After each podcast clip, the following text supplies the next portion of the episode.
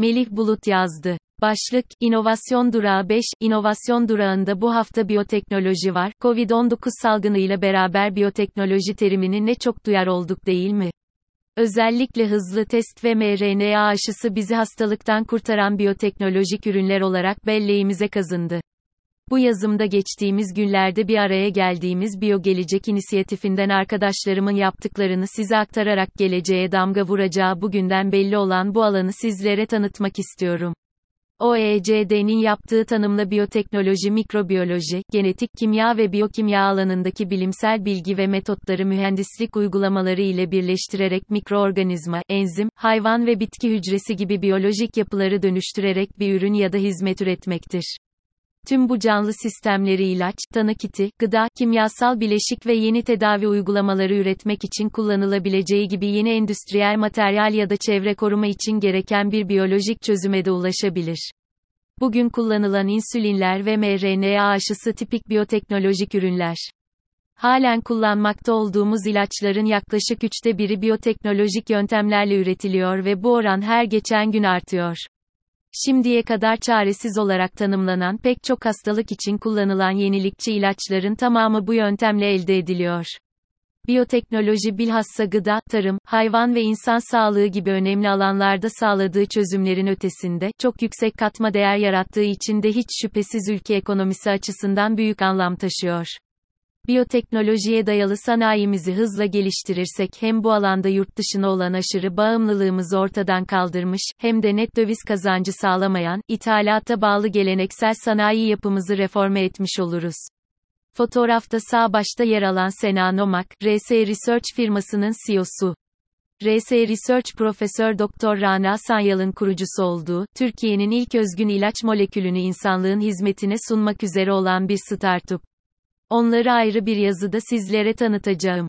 Sena ile benim aramda Doktor Ramazan Karaduman var. Boğaziçi Üniversitesi Moleküler Biyoloji ve Genetik mezunu. Doktorasını tamamladıktan sonra uzun yıllar Almanya'da, İzlanda'da çalışmış, sonra Türkiye'de bir ilaç şirketine dönmüş. Şimdi de Vozyme isimli şirketiyle Diagnotek kurucusu moleküler biyolog Ümit Fırat ile birlikte enzim üretmek için kolları sıvamış. Ramazan kardeşime, tuhaf bir firma ismi bu, sözleriyle serzenişte bulunduğumda ilhamını fanatik bir hayran olduğu efsane BBC dizisi Doctor Who'dan aldığını söyledi. Pek çok biyoteknolojik üründe olduğu gibi enzimler konusunda da neredeyse tamamen dışa bağımlıyız. Örneğin 200 milyon COVID-19 testi yaptıysak dışarıya en az 200 milyon dolar ödedik demektir. Anlayacağınız enzim deyip geçmeyelim, laboratuvarda veya tanı ve tedavi amaçlı kullanılan her ürün için gerekiyorlar. Mutlaka, bir an önce yerli milliliği lafta bırakmayıp bizim bunları üretmemiz lazım. İthalat, sadece dışa bağımlılığın ötesinde, başka sakıncalar içeriyor. Örneğin sipariş ettiğiniz bir malzeme ancak haftalar sonra elinize ulaşabiliyor. Çin mallarının kalitesi malum, enziminiz ne kadar kaliteliyse aldığınız sonuçlar o kadar mükemmel oluyor. Şimdiye kadar bu işlerde gecikmemizin en önemli sebeplerinden birisi güçlü ithalat lobisi. Umarım yeni iktidar bu sorunların üzerine cesaretle gider.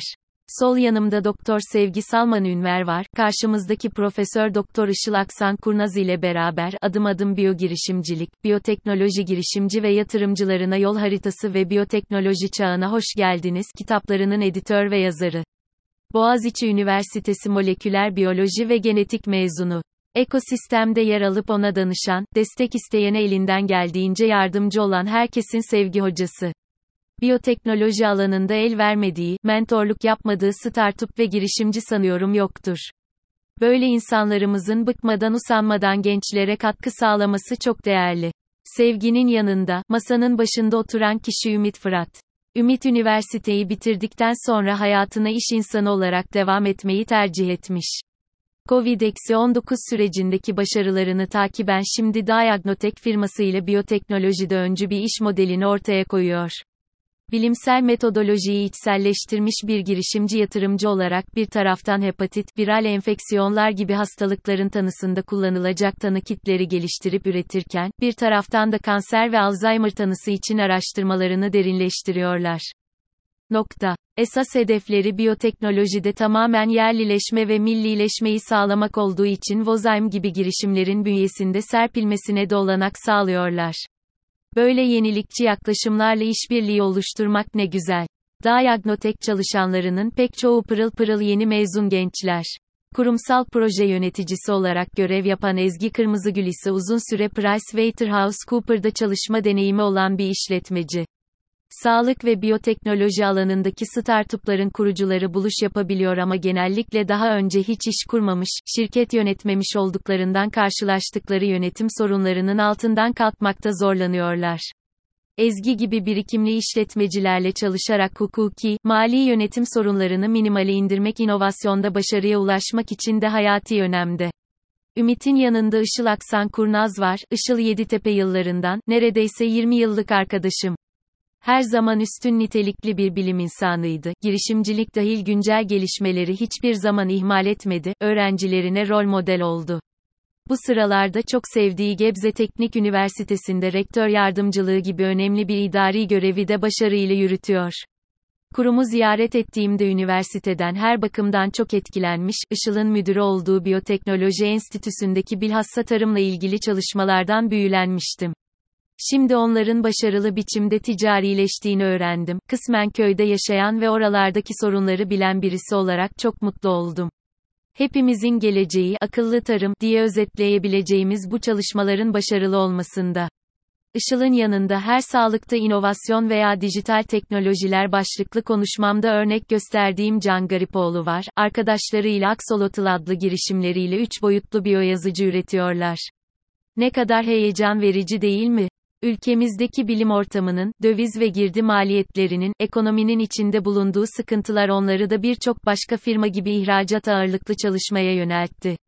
Ben, sağlıkta önder ülke Türkiye, iddiamı destekleyen bu durumlardan sevinç duyuyorum ama Can ve arkadaşları genetiklerinde var olan girişimcilik ruhunun da coşkusuyla ellerindekiyle yetinmiyorlar, şimdi yepyeni ufuklara yelken açıyorlar.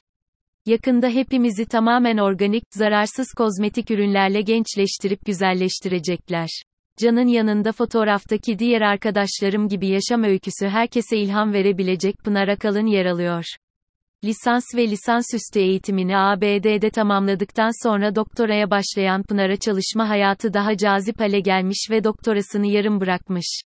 ABD'de başladığı iş hayatını 2004'te döndüğü Türkiye'de devam ettirmiş ve 2009'da Centromer isimli kendi firmasını kurmuş. Bu, temelde bir DNA şirketi.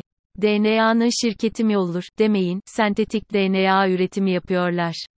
Bunlar klonlama, DNA çoğaltılması, CRISPR-Cas gibi temel moleküler biyoloji yöntemlerinde çok kullanılan kısa DNA parçacıkları. Şu anda 900 araştırmacıya ürün veriyorlar. Covid-19 ile beraber tanı alanında gerçek zamanlı PCR ve hızlı tanı kitleri üretmeye başlamışlar. Şimdi değişik solunum yolları virüslerine yönelmişler. Biyoteknoloji girişimciliğinde, sanayiciliğinde başarılı olmak için bilim temelinde çalışmaya ilave olarak ekstra azim, sabır, birikim, know-how, ilişki ağı ve kalifiye insan gücü gerekiyor. Yani diğer sanayi dallarından farklı bir alan.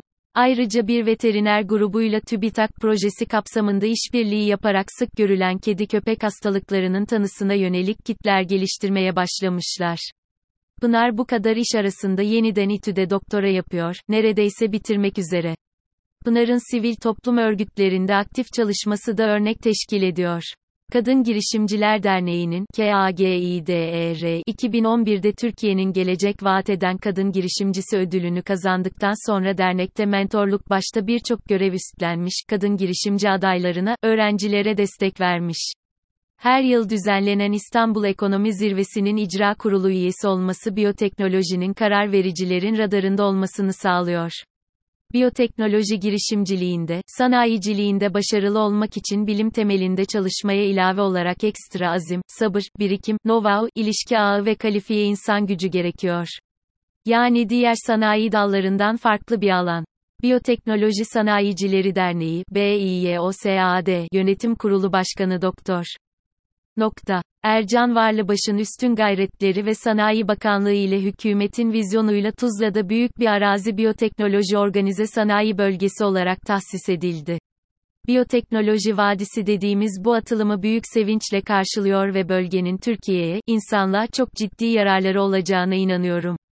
Böylelikle biyoteknolojide yerlileşme ve millileşmeyi sağlayarak hem doğrudan dışarıya döviz ödemekten kurtulacağız hem de 10 yıllardır makus talihimiz olan ithalata bağımlı ve döviz kaybettiren ihracat yerine katma değeri çok yüksek ürünleri ihraç ederek net döviz kazancı elde edeceğiz. Biyoteknolojiye gönül veren gençler, bilim insanları, girişimciler ve yatırımcılardan beklentimiz fazla, çünkü gelecek sağlığa dayalı ekonomide ve biyoteknolojide.